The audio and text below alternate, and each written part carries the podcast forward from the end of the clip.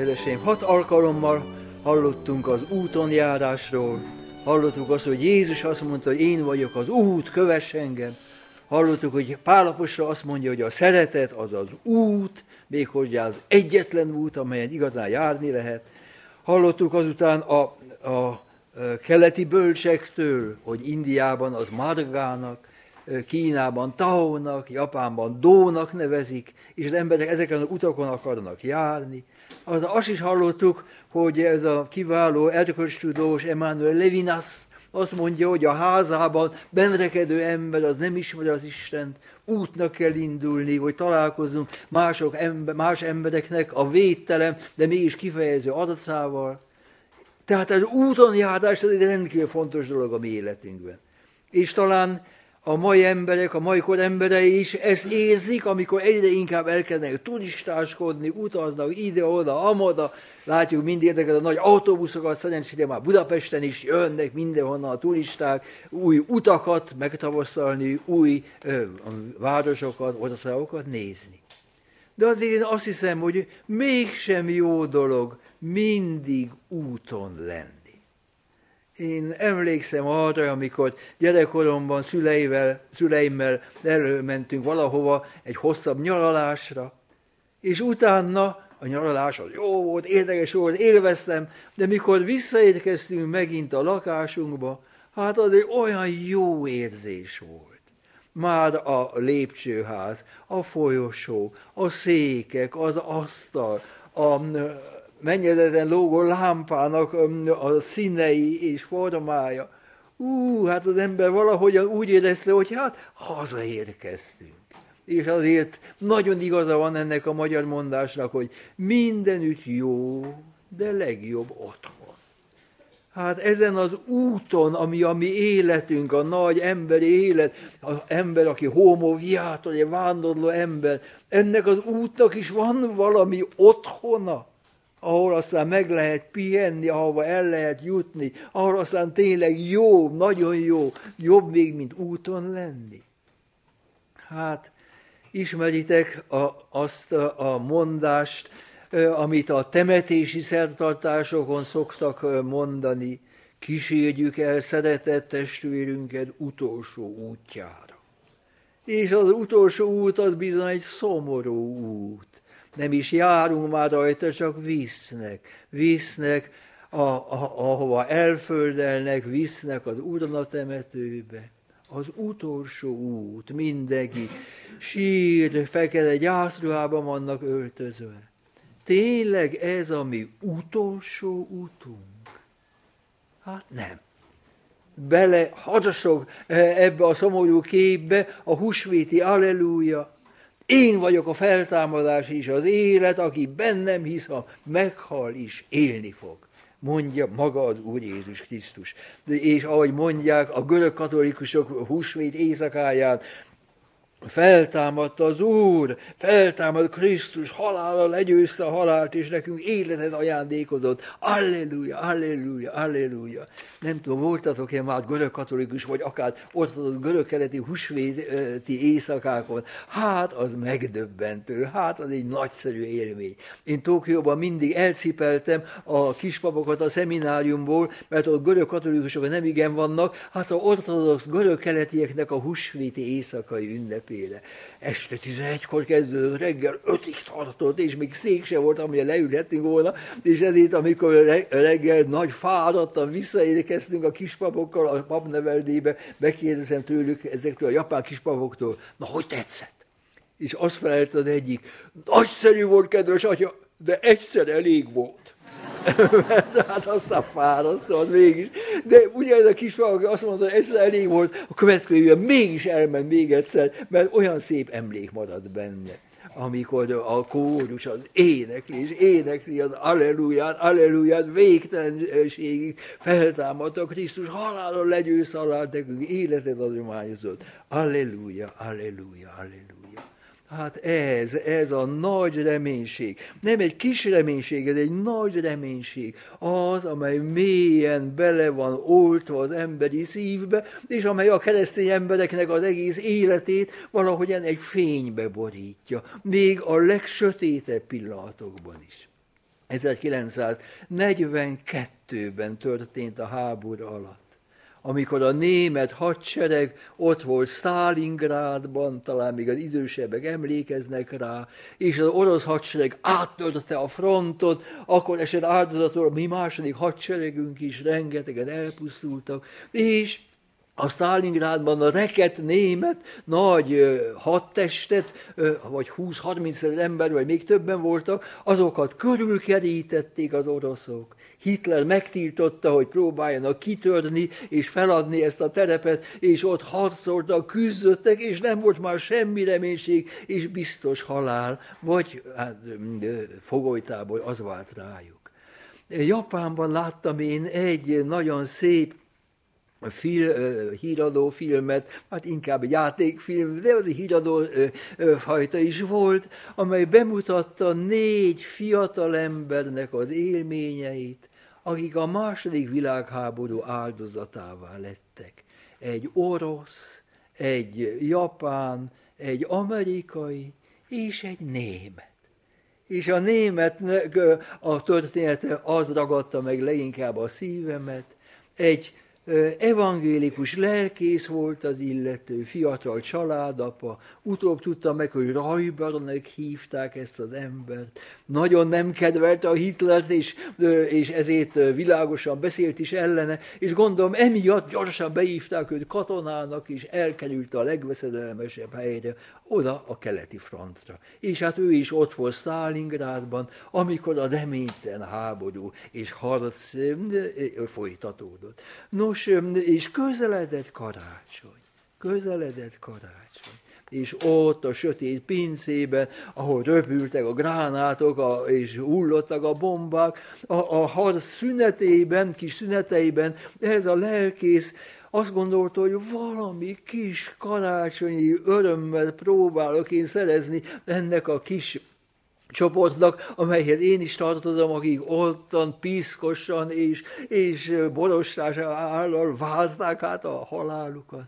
Nagyon jól tudott festeni, rajzolni ez a lelkész, és megrajzolt egy Mária képet.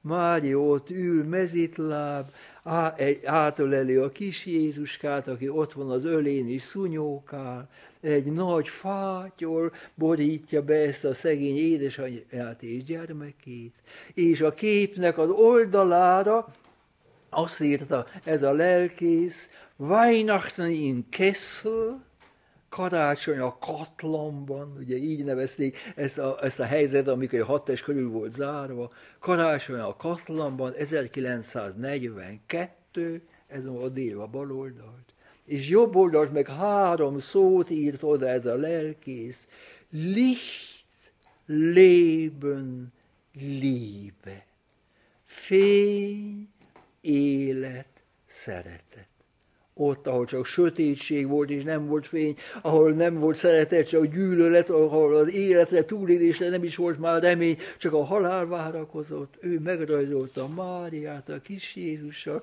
és azt írta oda, hogy hitvallásként, Licht, Leben, Liebe. És azt aztán föl akasztotta valahol a, a, az óvóhely falára, eléjetett egy kis gyertyát, és aztán hívta azt a többi 8-10 katonát, akivel ő együtt volt, gyertek, készítettem valamit számotokra.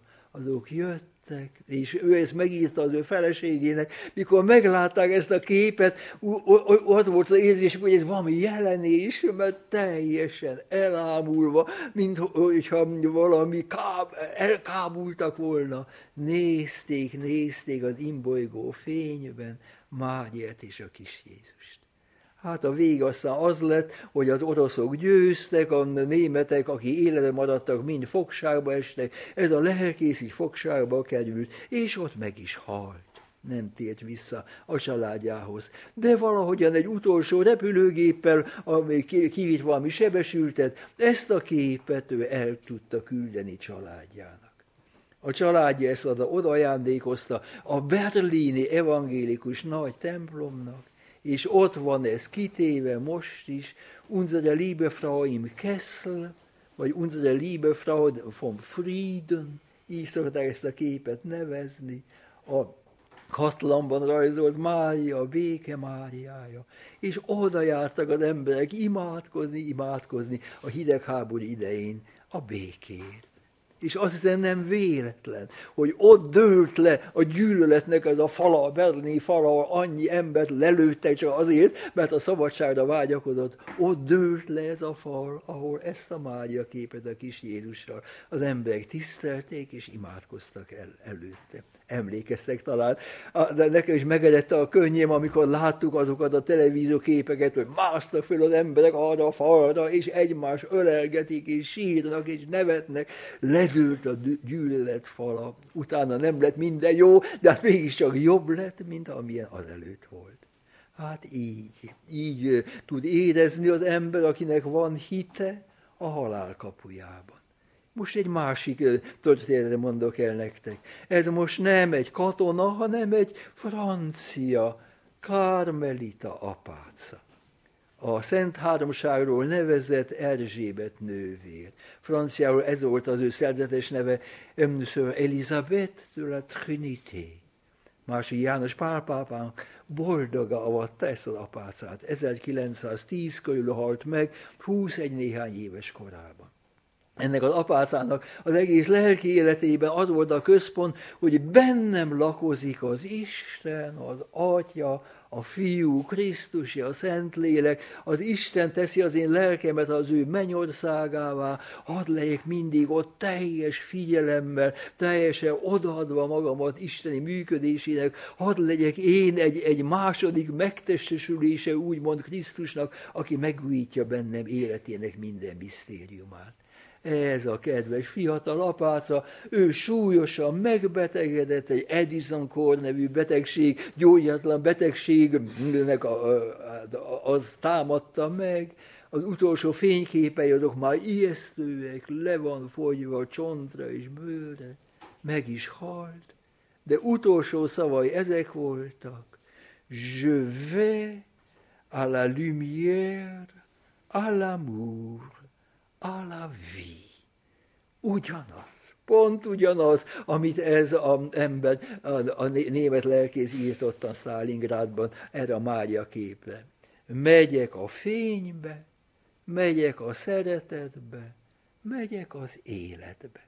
Egyik németül mondta, másik franciául mondta, de ugyanebből a hitből származik, hogy van egy otthonunk, ahova megyünk, igen, az életben megyünk, van egy nagy reményünk, tehát vannak ezek a kis remények is, persze amelyek nem biztos, hogy megvalósulnak, ahhoz, hogy meggyógyul az én fogfájásom, ahhoz, hogy találok egy jó férjet vagy feleséget, ahhoz, hogy jó sikerül a vizsga, ahhoz, hogy ez a nátha, ami most bennem keletkezett, az nem fog kitörni, hanem elmúlik, szóval vannak ilyen kis remények is, ezek néha megvalósulnak, néha nem valósulnak meg, de van az egy nagy remény amelyet úgy fejez ki a második vatikáni zsinat, hogy a szeretet és annak alkotása, az örökké, örökké megmarad.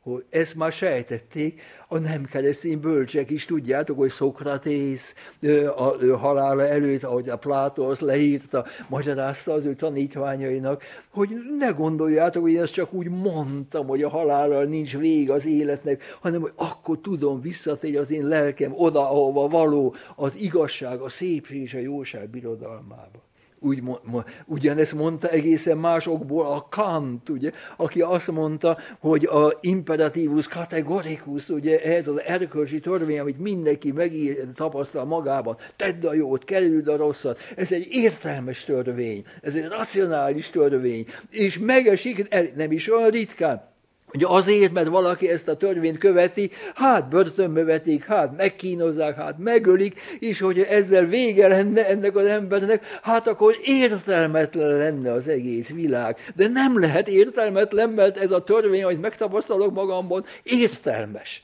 Tehát akkor halál után is kell még lenni egy folytatásnak, és hogy ez lehessen kell, hogy legyen egy Isten, aki azokat, akik a lelkismeret szavát követve éltek és meghaltak, azokat életben tartja, és elviszi, és, és megtartja az ő valóságukat örökké.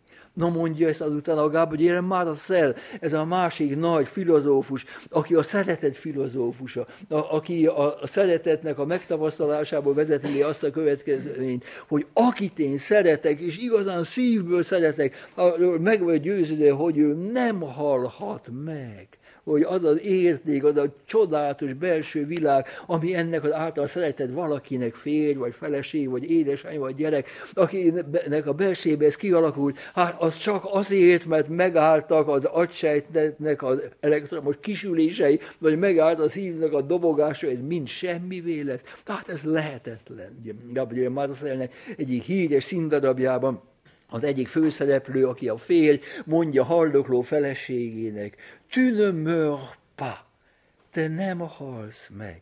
Meghal ugyan testileg, de tu ne meurs pas, nem lehet, hogy te meghalljál. Na, aztán sok minden még más is mondhatunk, is, ha hallottátok bizonyára a doktor Moody-nak a, a vizsgálatait azokról, akik tetsz halottak voltak, hogy már valahogyan meg is voltak halva, de aztán vagy az orvos mégis visszaszibálta őket még ebbe az életbe érdekes dolgok, hogy annyira megegyeznek az ő, az ő leírásaik, ugye, hogy úgy érzik, hogy hát kikerültek a testükből, és valami folyosón mennek, és nagyon jól érzik magukat, és odától jön egy fény, és hú, de jó nekem itt lenni, és akkor egyszer egy hang, vagy egy kéz jön, és int egyet, hogy mondja neki vissza-vissza, még nem, és hát akkor nagy búsan ott találja magát az intenzív osztályban, és csuba csőló ki a testéből, ugye hát amikor Moody-nak ezt a könyvét olvastam, akkor azért úgy kicsit sóvártam a fejemet, hogy vajon igazat mond ez a doktor bácsi, vagy pedig talán egy kicsit, hogy megszépítette az eredményeket, és erről beszélgettünk a családban, és akkor valaki, aki ott ült velem szemben, azt mondta, kedves Péter, ez igaz ám, mert én is megéltem, mondta az illető. Hát itt van közöttünk egyébként az az illető, ugye? És mondta, hogy ez pont úgy történt meg velem, ahogy ezt a Moody doktor mondja ezekről a a különböző tesz halottakról, ugye? Hát ez is valami, hogy is a halottak jelentik magukat, és, és közlik valahogyan azt, hogy hát ők nem lettek semmivé, hanem ők valahogyan vannak, és hát még gondolnak is rá. De hát ezek a dolgok, amiket eddig mondtam, hát ezek ilyen utalások, ezek ilyen reménykedések, de van nekünk egy sokkal biztosabb alapunk erre a hazatérésre vonatkozólag, még hozzá négy dolog. Az, az, e, ami ennek az alapja, az első az, hogy van Isten, aki az életnek a barátja, mondja a Szentírás, aki maga a szeretet, aki nem azért teremtette ezt a világot, hogy a semmibe hújjon, hanem hogy éljen, és az Isten számára minden ember egyenként, ti egyenként, mindegyik fontos, mondja mindegyikeknek, ahogy ezt már milliószor elmondtam, jó, hogy vagy, akarom, hogy legyél, tudja a neveteket, tudja, hogy vagytok, és örül annak, hogy vagytok. Isten az életnek a barátja. Ez az első alap. A második alap az, hogy Isten úgy szerette a világot, hogy egyszülött fiát adta oda érte, beletestesült ebbe a világba, Jézus Krisztusban, az Isten belépett a történelmünkre, visszavonhatlanul igent mondott erre a bűnös világra. A, a, nem zuhanhat már az egész a pokolba, vagy a semmibe, mert maga az Isten fia lett tagja a mi emberiségünknek, és már a megtestülése által valamiképpen minden emberrel egyesült. A bűne ellenére, a világ minden gonoszsága ellenére az Isten visszavonhatlanul igent mondott erre az egész világ mindenségre. A harmadik dolog pedig az Isten ígérete. Maga az Isten, maga a Jézus Krisztus, azok megígérték, hogy egy örök életünk lesz, hogy a halál az egy kapu, az egy átmenet, én élek, és ti is élni fogtok, előre megyek, hogy lakást készítsek számotokra, ezek Jézusnak a szavai, ez egy nagy-nagy ígéret, amelyre mi ráhagyatkozhatunk, mert hiszen Isten nem csal meg, Jézusban meg lehet bízni. És a negyedik dolog, pedig az, hogy Jézus, aki testvérünk, akit megöltek, tudjátok, hogy milyen kegyetlenül, őróla tudjuk, hisszük, és tudjuk, hogy ő él, él, mint a végpontja mindennek, az omega, ő maga a, szeretetnek az ég hatalmas nagy tűzhelye, amely vonz, vonz minden maga felé, fölfelé, az atyához. Eljövök és magamhoz viszlek titeket, mondja Jézus. Elképzelhetetlen, hogy hogyan, elképzelhetetlen, hogy mi, miképpen, de a, a, a ígéret az ott van. És vannak egyes szentek, akinek élete utolsó pillanata valahogyan egy kis ablakocska lesz számunkra, amelybe bekukucskálhatunk ebbe a végső állapotba. Az egyik a Lizői kis Szent. Tudjátok, hogy milyen fájdalmas volt az ő halála, tüdőbajos volt, fuldokolt, és hát mellette térdelt már a perjelanya, és a nővérek imádkoztak körülötte, de nagyon szenvedett a kis Terész és mondja a pegyel anyának, hogy már megy, még sokáig tart ez a szenvedés, még sokáig tart. És akkor a pegyel anya azt mondta neki, hát még egy-két óra talán, tarts ki, tarts ki, nem tart már sokáig. És akkor a terészke, mint a megbánta volna ezt, hogy hát így valahogyan kérte, hogy hát, kérdezte, hogy hát még sokáig tart téged, odasúgta a perjelnőnek, meg a többieknek. Nem azért mondtam, mint hogyha én elutasítanám a szenvedést. És akkor fölnézett a feszületre, ami ott volt abban a szegényes a szobában, az ágya fölött. És azt mondta, je l'aime. Én szeretem őt, szeretem őt, Jézust. De tovább szenved, szegény, de egyszerre csak fölül az ágyban, mosoly árad szét az arcán, néz oda föle, mint a szoba sarkára, nézd, ott valamit lát. Ott van félig fölegyenesedve egy, két, három percig, és aztán visszahanyatlik, és meghal. Hát mit látod ez a terészke? Nem mondta el nekünk, úgyhogy nem tudjuk, de hát valami nagyon szépet kellett, hogy lásson, hogy egy ilyen álszelemű, szép, gyönyörű, ragyogó arca volt neki ebben az utolsó pillanatban. Na, hadd mondjak még egy másik eh, apácát. Eh, ez a Jane Erskine Stewart. A Sacré-Cœur apácának volt általános főnöknője, 1916 körül halt meg, 61 néhány éves korában. Egy igen kiváló, igen kiváló, csodálatos apáca volt ő is utolsó betegségében so, sokat szenvedett. De nála is az utolsó pillanatban jött egy bámulatos átalakulás. Megkönnyebbült, mosoly, néz szintén úgy fölfelé, és megszólal, és más mond, mint a kis Szent Terész. Abban is máshogy angolul mondta persze, és nem franciául, de még a szavak is mások, mert mondom, hogy ő mondta, mert az életrajzában szépen leírták. Oh Jesus, Jesus, how lovely, how lovely, how he loves me, how he longs for me. Ó Jézus, Jézus, de szép, de szép mennyire szeret ő engem, mennyire vágyódik ő én rá.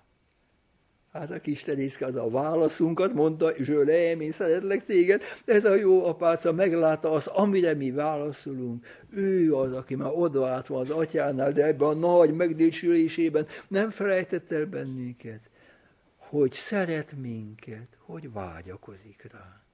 Hát ilyen, ilyenek vannak. Tehát ez egy találkozás az Istennel, az az Istennel, aki a legmélyebb vágyunk irányul, de nem csak vele, hanem találkozás a mi szeretteinkkel is.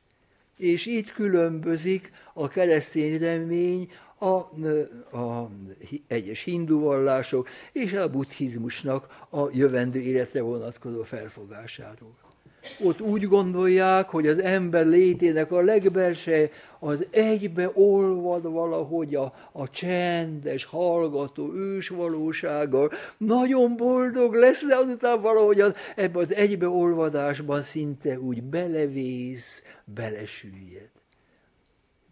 De nálunk nem ez a felfogás.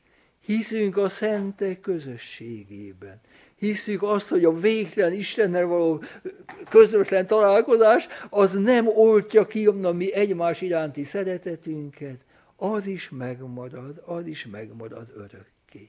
Ez talán azért van, mert a keresztények azok tudják és hiszik, hogy az Isten szent háromság, hogy az Atya és a Fiú és a Szentlélek, ők tökéletesen egy Isten, és mégis az Atya nem a Fiú, és a Fiú nem az Atya, és az Atya szereti a fiút, és a fiú viszont szereti az atyát, egymás életének örvendeznek végtelenül.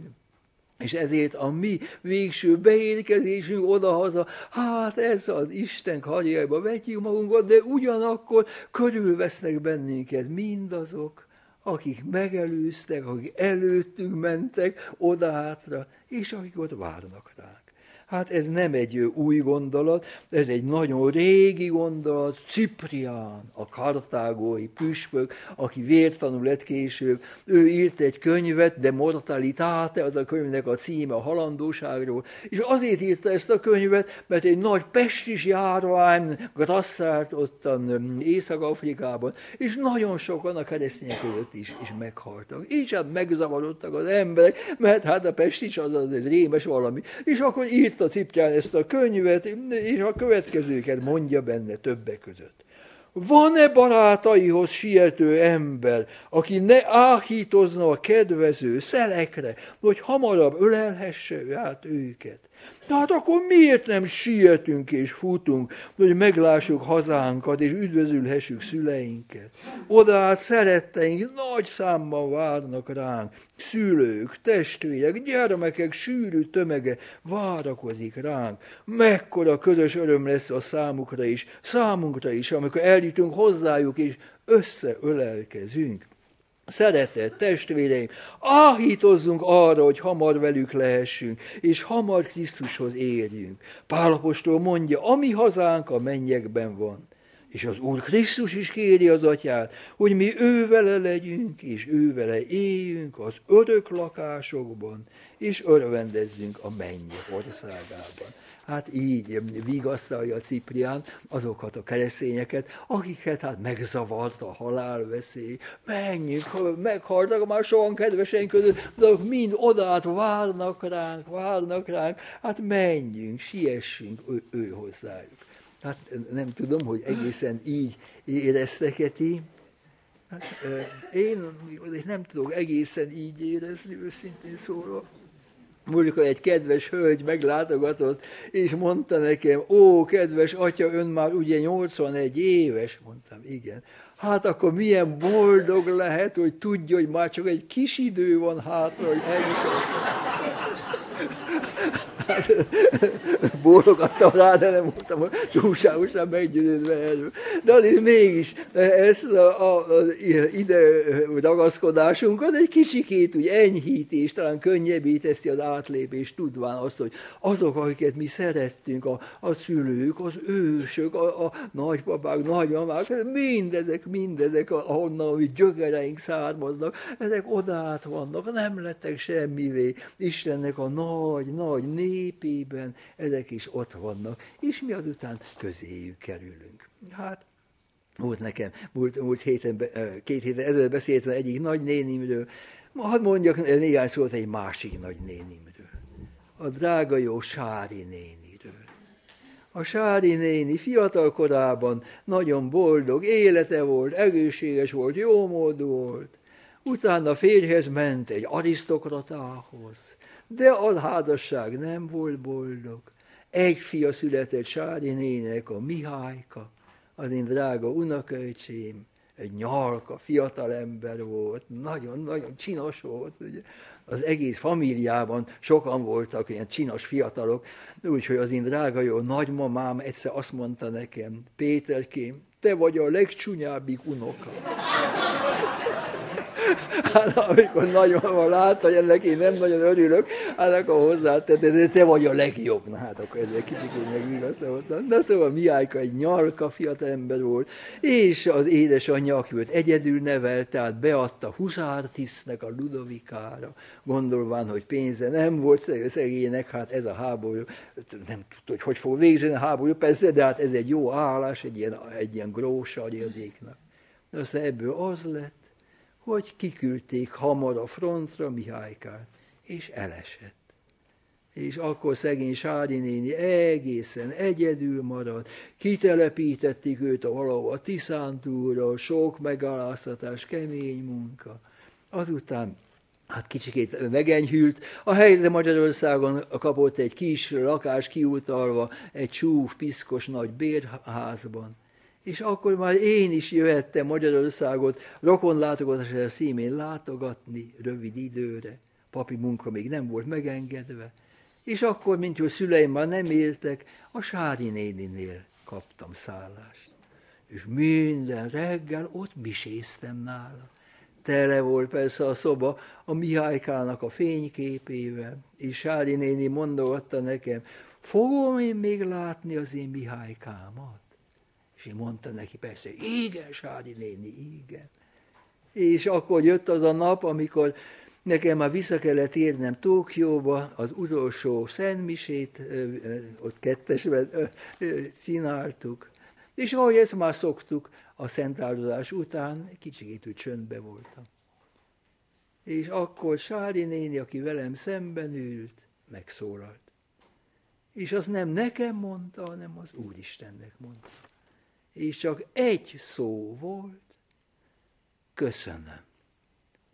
Hát gondolhatjátok, hogy nagyon meghatódtam, hogy egy hosszú, sok-sok szenvedéssel teli életnek a vége felé magához véve az Úr Jézus Krisztus szentestét, a feltámad Krisztusét. Sári néni minden, de minden ebben az egy szóba tudod összefoglalni. Köszönöm. Hát ez volt az utolsó, amit én Sári néniről láttam. Egy pár hónappal később ő is öregen, 8 éves korában meghalt és hát elment az ő Mihálykájához. Hát valahogy így van ez a mi életünk. Egy nagy-nagy szeretet közösségbe, abba, afelé megyünk, ott várnak ránk, ott fognak fogadni bennünket. És ebből, hogy nekünk egy ilyen nagy reményünk van, az örök élet reménye, oly szép ez az evangéliumban, amikor mindig ez a szó előjön, örök élet, örök élet, örök élet, ez olyan, mint egy, mint egy refrén a, a rondó zenetételekben, amely mindig visszajön, visszajön, és az ember örül, amikor ugye ez a melódia megint megszólal. Igen, az örök élet, az örök élet, amely ö, ö, hivatottak vagyunk, és ahova az Jézus Krisztus, a Szentlélek elvezetnek minket. No és hát ebből mi következik, ami evilági életünkre vonatkozik? Három dolog. Az első az, hogy felértékelődik ez az élet. Tudjátok, hogy Marx ugye azzal kritizálta a keresztényeket, hogy az örök élet iránti vágyakozás, az eltompítja az ez, ez iránti érdeklődésüket, a igazságoságért való küzdelemnek a hevét, stb., mert egy ilyen, ilyen álomvilágba altatja el az embereket ópiumszerűen. De pont az ellenkezője az igaz, helyesen mondja a vatikáni zsinat, ne csökkentse, hanem fokozza a föld tökéletesítésére irányuló szorgosságunkat az örök élet reménye. Miután ugyanis az emberi méltóság, a testvéri közösség és a szabadság javait az Úr lelkétől vezettetve és az Úr parancsa szerint terjesztettük a földön, Később újra meg fogjuk ezeket találni, de már megtisztítva minden szennytől, amikor Krisztus átadja az atyának az örök és egyetemes uralmat. És ahogy Pálapostól mondja, Isten lesz minden mindenben. Hát, hogyha valaki ezt hiszi, akkor azt is tudja, hogy semmi, de semmi kárba nem vész a Gustav Mahlernak van ez a szimfóniája, a második, amelynek az a címe, hogy Auferstehung.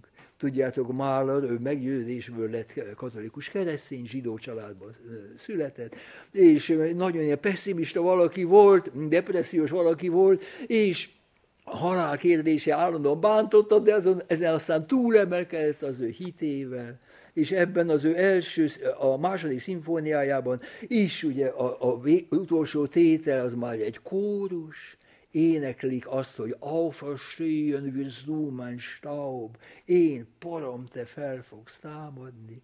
És akkor jön ki szoprán énekesnő, és azt énekli, nichts geht dir verloren, semmit el nem veszítesz, semmi kárba nem vész. Én szívem, miért remegsz, miért félsz, miért rettegsz, mindaz, amiért küzdöttél, harcoltál, dobogtál, az az Istenhez, az Istenhez visz tégedet, két szárnyál lesz, Istenhez visz tégedet, nichts geht dir verloren, semmi el nem vész, semmi kárba nem vész. Hát ez egy, ez egy nagyon vigasztaló dolog, hogy az, hogy mi emberek a végérvényességnek vagyunk a teremtményei. Amit mi a mi szabad akaratunkkal, Isten kegyelmétől indítatva, Jézus példáját követve, amit mi kialakítunk önmagunkban, belsőnkben, mert hiszen mindent tettünk, az elsősorban bennünket formál, az egy örökké valóságot termeli ki mi bennünk. Nem szünteti meg a halál, nem szünteti meg a világ vége. Már megkezdődött bennük az örök élet. Növekszik bennük mindaz, amit szeretetben tett tettünk, amit szeretetben elfogadtunk és elszenvedtünk, az mind gyümölcsözik, verloren, ebből lesz az örök életnek a tartalma oda. Ugye? Hát ez a nagy reménye a kereszténységnek, és az, hogy amíg mi növekszünk, vannak itt fiatalok is szép számmal, és azok hát növekszenek, ugye? Hát a centiben talán nem, de bölcsességben, és tudásban, és erőben, meg ilyenben, és hogyha ezt szeretettel teszik azért, hogy szolgáljanak vele másoknak, akkor ebből is egy örök élet lesz, örök megmaradása lesz mindennek. Nem tűnik el. De még akkor is, amikor az ember megöregszik, és idősek, nem olyan egész fiatalok is vannak itt, úgy látom, egész szép számmal, azoknál már nem növekedésről van szó, hanem csökkenésről, ugye? Úgy összemennek az ember néhány centivel is, ugye? Meg hát ottan elhagyja őket a fülük, ugye?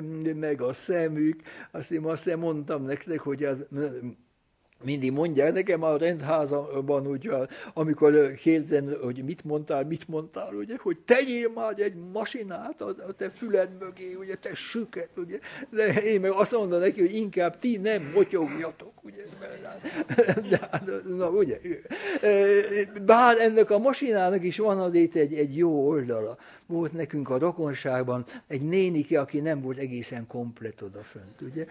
Úgy hívták, hogy baby néni, ugye?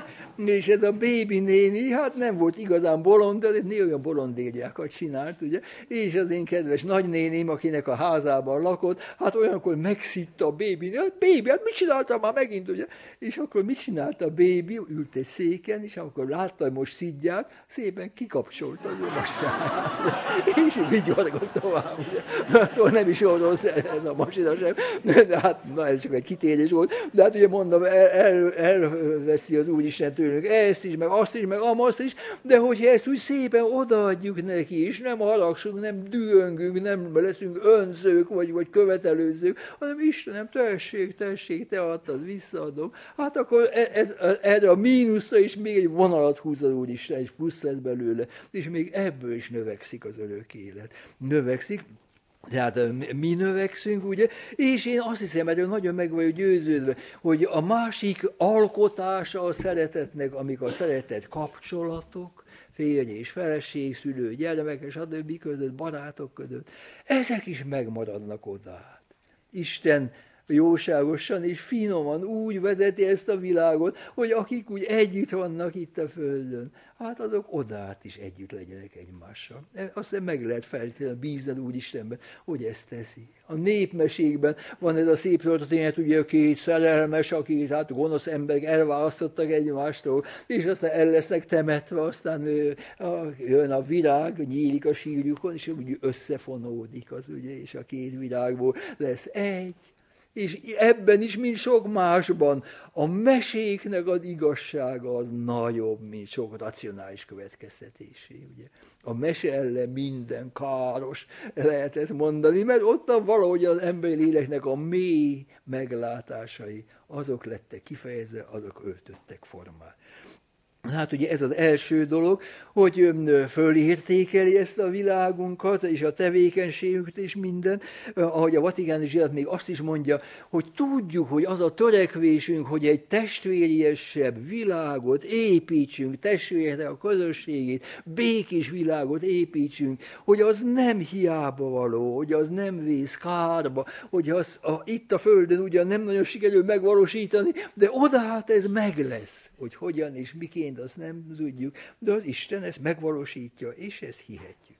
Na most a másik dolog, ami következik ebből az örök életnek a reményéből, az evilági dolgoknak a relativizálása.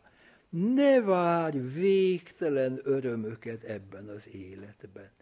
A, talán már idézte a Reményik Sándornak azt a szép versét, ne várj nagy dolgokat életedben, kis hópelyhek az örömök, apró, szitáló sziromcsodák, rajtuk át az Isten szól, jövök.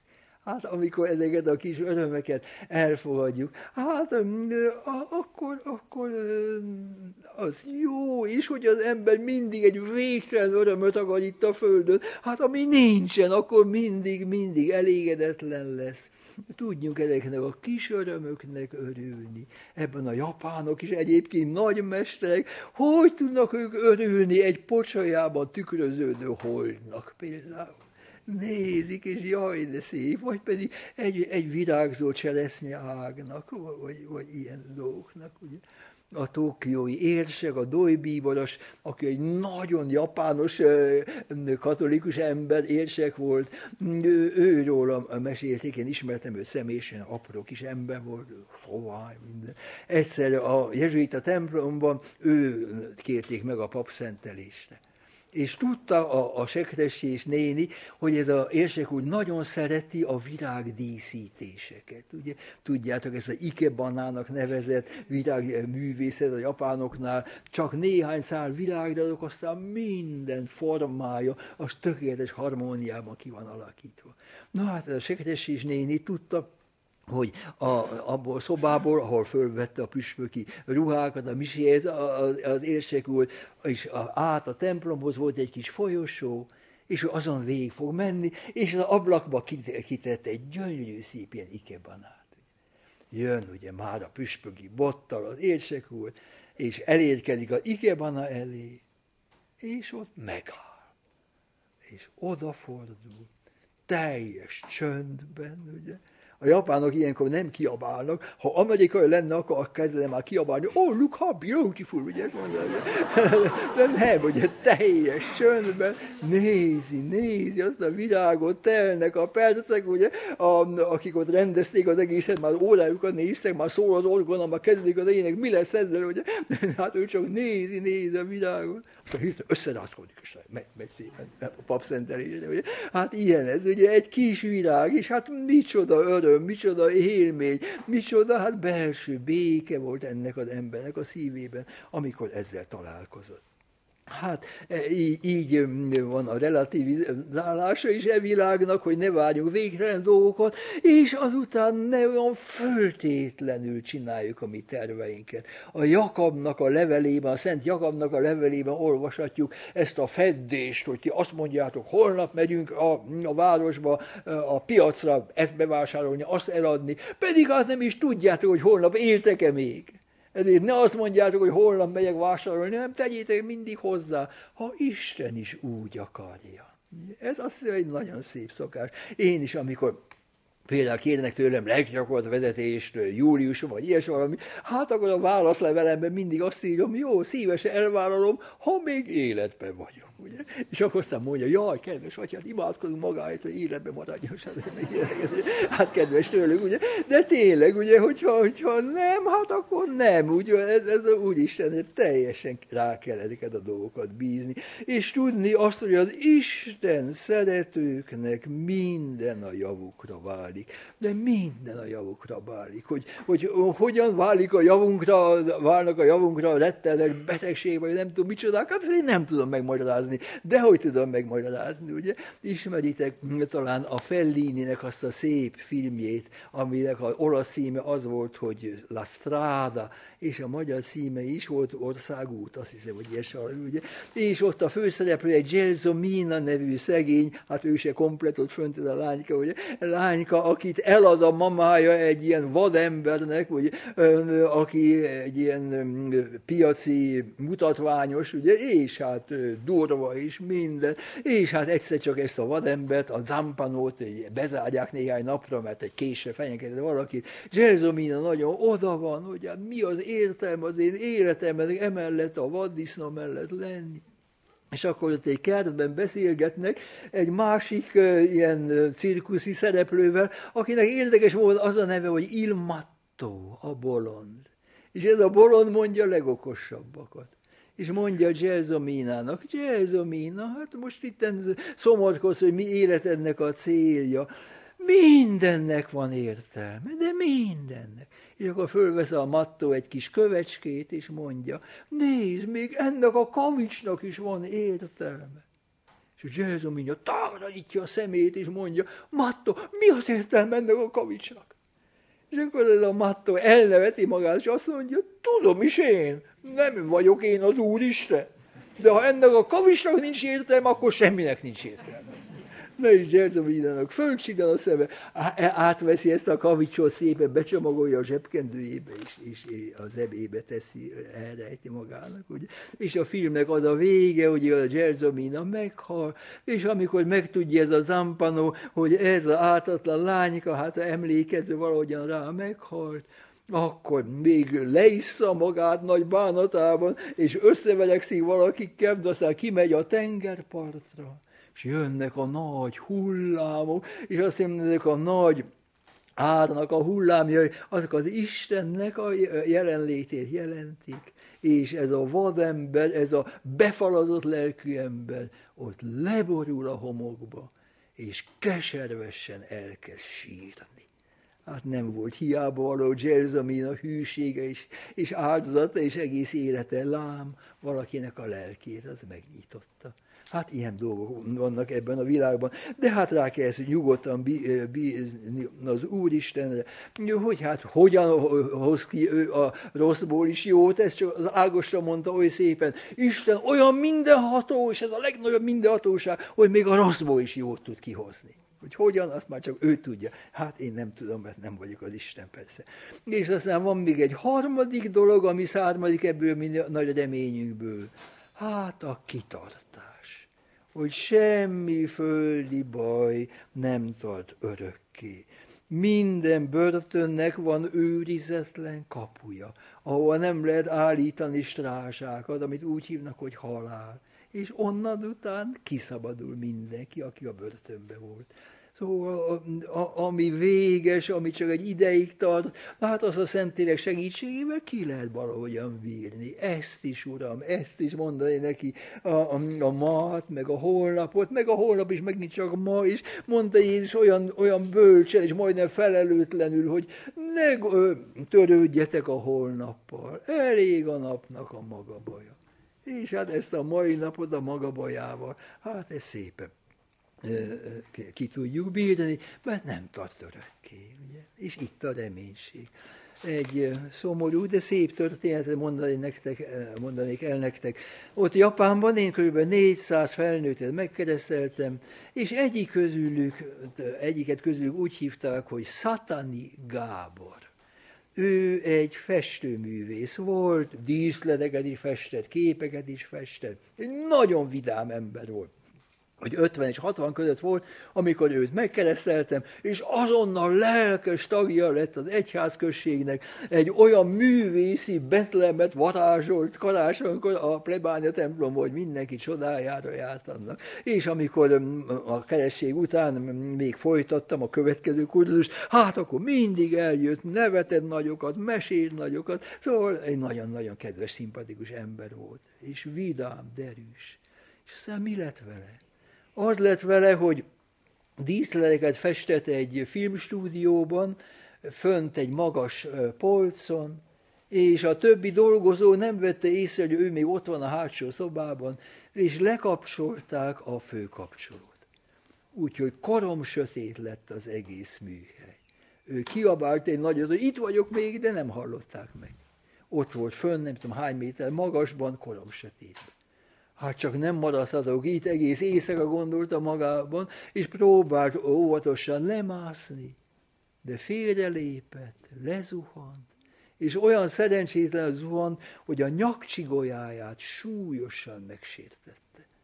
Olyannyira, hogy a nyaktól lefelé teljesen, de teljesen megbénult. És ott feküdt este tíztől, másnap reggel nyolcig a, a padlón, amíg megint jöttek a dolgozók. És mondta nekem később, már a lélegzése ment, már kezdtem fuldokolni. És én azt hiszem, csak azért maradtam akkor életben, mert magamban mondtam a rózsafüzért. Hát utána persze nagy volt. A ijegység vitték kórházba, rehabilitáció, minden, de teljesen eredménytelenül semmi, semmi javulás. Kilenc éven keresztül élt ő így tovább, teljesen bénán, és még az is hozzájárult a bajhoz, hogy az a vállalat, ahol dolgozott, az csődbe ment, úgy még betegségbiztosítás sem működött rendesen, otthon feleségem menye az ápolta. És egy évvel a baleset után elkezdett a szájával festeni. A felesége tette a szájába a, ilyen japán stílusú tusfestésre való ecseteket, és azok a képek, kár, hogy nem hoztam el ma egyet, jó lett volna, azok a képek, amelyeket azután festett, sokkal, de sokkal szebbek voltak, mint régi képei. Valami derű, mosoly, Jézus, Mária, kisgyerekek, tájképek, nagy képeket persze nem tud festeni, de hát festegetett, festegetett és már eléggé híres is lehet, kiállításokat szerveztek meg barátai, hogy egy kis bevételre is te, szert tegyen. De hát persze a betegség erre rosszabb lett, fölfekvés, minden, ugye. És már írták nekem az, az ismerősei, hogy már nagyon szeretne ebből a világból elmenni ez az én barátom. De mondogatta mindig a feleségének, nem kaptam meg még a vasúti jegyet, nem tudok még menni, mikor kapom már meg? És amikor aztán néhány évvel ezelőtt őt meglátogattam, akkor megint vidámon beszélt erről, arra a fejével nem volt semmi baj, a régi derűje megmaradt, és csak egyszer sírta el magát, amikor azt mondta, ó, hogy szeretnék még egyszer elmenni abba a templomba, ahol az atya engem megkeresztelt de abból már nem lesz semmi. Hát mikor teldek az évek, és hallottam, hogy mindig gyengében van, három éve, nem, három éve ezelőtt, megint, vagy négy év most már ezelőtt Japánban egy rövid látogatásra el tudtam menni, és megint persze elmentem hozzá. Akkor már alig tudott beszélni, csak suttogva. Kérdeztem tőle, hogy feste még most is. Tudtam, hogy már nem teszi, de hát mégis megkérdeztem. És akkor mondta, nem, nem. Utolsó képeimet egy pár hónappal ezelőtt festettem. Aztán odasúgja a feleségének, adjuk oda emlékbe az atyának ezeket a képeket. És mintha csak arra vált volna, hogy vele még egyszer beszélgessen, három héttel később mondja a feleségének, megkaptam a vonatjegyet, holnap megyek, ne sírj. És hát úgy is lett, ugye. Hát micsoda, micsoda, egy, egy evilági mértékekkel mérve teljesen abszurd élet volt ez. És egy, egy zokszó se hagyta el az ajkát, ugyan megkereszelkedtem, és két évre rá ez történik velem. Hát ez olyan természetes lett volna, hogy ezt mondja, de nem mondta, nem mondta hanem valahogyan ugye, elfogadva minden, az érthetetlent is valahogyan nem megértve, de elfogadva szépen ment odaátra. És hát remélem, sőt, biztos vagyok benne, hogy ő már ott van az Úrnál. Na hát így van az egyéni élet, ez véget vet mindenféle szenvedéseinknek, bajainknak is, ugye nem tart minden örökké, és a világnak is lesz már egy vége, és hát az is ennek a világnak mindenféle bajait, hát azokat szépen megszünteti. Most nagy divat az, hogy bennünket ijesztegetnek a világ végével, ugye? Nem jó ez. Azt mondja a Szentírás, hogy ha sejtitek, hogy közeled van a világ vége, akkor emeljétek fel a fejeteket, mert eljött a szabadulástok órája. Így mondja Jézus az apostolainak. Különböző magyar fordításokat olvastam erről a szövegről. Egy fordítás, ami nekem eléggé tetszett, az így volt. Ha, ha úgy sejtitek, hogy közeledik a világ vége, húzzátok ki magatokat! Mert eljött a ti szabadulásoknak az órája. És amikor nekünk azt mondják, hogy jaj, most már, már itt van ez is, meg ez is, meg ez is, meg ez is, és ú, jövő évre jön a világ vége, ugye? hát akkor mondjátok azt a Jézusi szót, hogy azt az órát, azt a napot senki sem tudja, sem az ég angyalai, sem én a fiú, nem tudom, csak az atya tudja és ezért hát amikor jön, az jön, és akkor majd kérjük az Urat, hogy, hogy a mosolygó kedves arca várjon bennünket. A, az ókeresztényeknek volt egy kedves imájuk, ami úgy hangzik, arám nyelven imádkozták, hogy Maranatá. Jézus beszélt ugye arám nyelven, az akkor a köznyelv Galileában is, meg Judeában is. Maranatá a régi Bibliákban nincsen, minden csupa nagybetű, és nincsen szóköz. Persze még pont vesző, az sincsen, úgyhogy az minden összes szóköz pont vesző, tehát a késői szentes tudósok okkumulálták ki. Nos, ez a Maranatha, ez kétféleképpen lehet olvasni. Azt szerint, hogy hova tesszük a szóközt. Lehet úgy olvasni, hogy Maranatha, akkor ez egy kijelentő mód. Ami Urunk jön, ezt jelent. De úgy is lehet olvasni, hogy marana ta, és akkor ez annyit jelent, jöjj, Urunk. Melyik a helyes? Hát szerencsére tudjuk, mert a jelenések könyvében ugyanez az ima megvan görögül is. És a görög szöveg egyértelmű. Annyit jelent, hogy jöjj el, Urunk.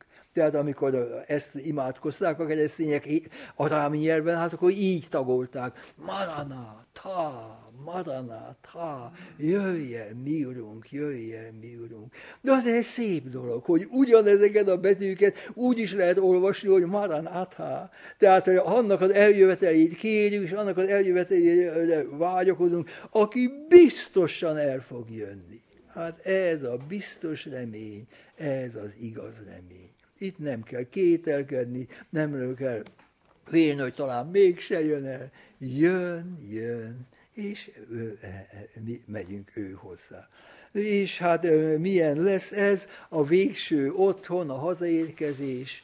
Ágostonnak van erről egy nagyon-nagyon szép mondása, amit a De Civitate Dei, az Isten országáról című könyvének, tíz egy néhány kötetes könyvének a legvégén ír le. Ott leírja az utolsó könyvben a mennyországot és a, a következő szavakkal zárja, hadd mondjam latinul, mert talán itt vannak még egyesek, akik régen latin tanultak. Ibi vacabimus et videbimus, videbimus et amabimus, amabimus et laudabimus, hoc erit infine.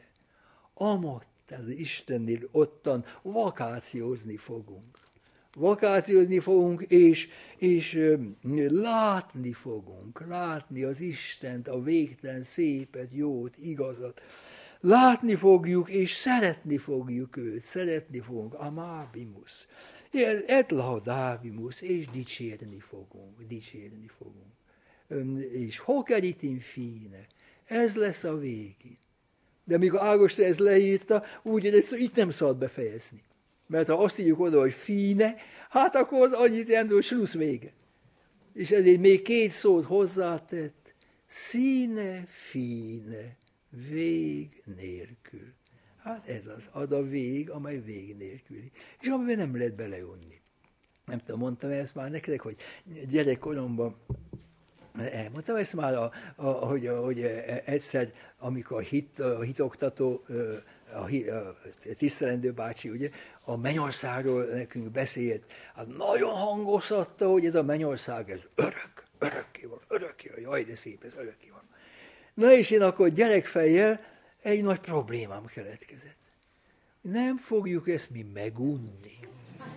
Hát akármilyen szépen énekelnek a kerubok, meg szeráfok, de hát most mindig csak hallgatni, hát csak unalmas. És ez nagyon bántott engem, úgyhogy a következő hittanórán nagy bátran oda mentem a tisztendő bácsihoz, és mondtam neki, tisztendő bácsi, azt a mennyországot, ugye örök, nem fogjuk azt mi megunni. Na hát az, az atya mondta nekem, hogy fiaskám, nem mondj már bolondokat. Szoktál tenni a moziba menni? Igen. Volt már olyan mozi, amit nagyon jó mozi volt? Igen. Na, amikor egy nagyon jó mozit láttál, akkor ugye azt, azt szereted volna, hogy az mindig csak, mindig, csak, mindig csak folytatódjék. Igen. Na látod, így lesz a mennyország is. Na hát ugye akkor engem meggyőzött, de utána aztán mégis megint kezdtem gondolkozni a dolgot, egy örökké nézni egy mozit, tehát az sem igazi boldogság. És gondolom, hogy hát az, amit az ember soha meg nem úr, és eljöttem rá a végén, az az, hogy valaki, akit én nagyon szeretek, az nagyon szeret engem, és együtt vagyunk, és ezt megtapasztaljuk. Hát ezt nem lehet megunni. Ez állandóan friss és szép és jó. Itt a Földön ez egy törékeny boldogság, boldogság, de amikor van, hát akkor a legnagyobb boldogság, én azt hiszem. Hát ilyes valami lesz ez oda át, ugye. Hokeritin fine, színe, fine. Ez lesz a végén, és még hozzá vég nélkül. És ez az, amire mi vágyakozunk, az örök boldogságra.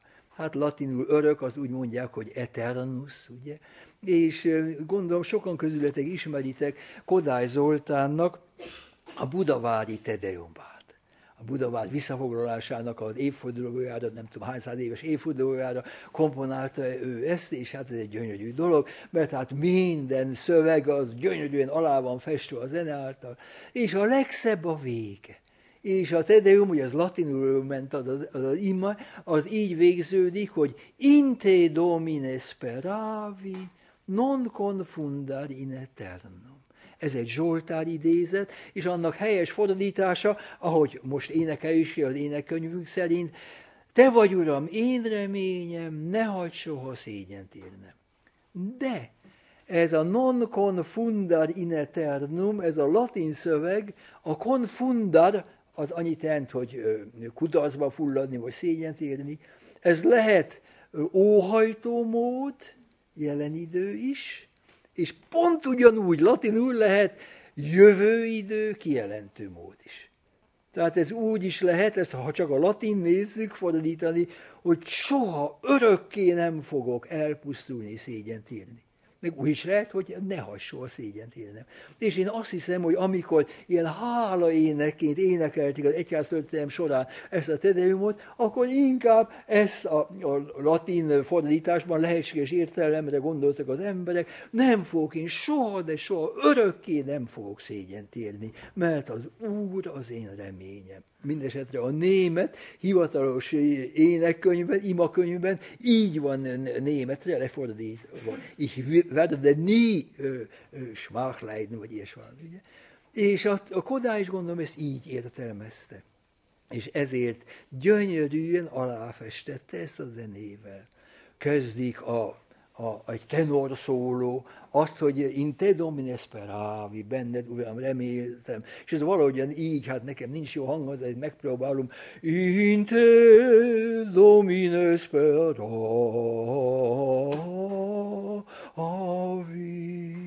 Ezt énekli a tenor. Aztán most jön a szoprán, in te domine speravi, aztán a basszú, in te domine speravi. És a négy szóló, ez ugye énekli ezt, hogy benned, uram, remélek, benned, uram, remélek, remélek, reméltem, reméltem, és akkor most belevág a férfi kórus egy, egy remek pentatonikus melódiával, non confundar in eternum.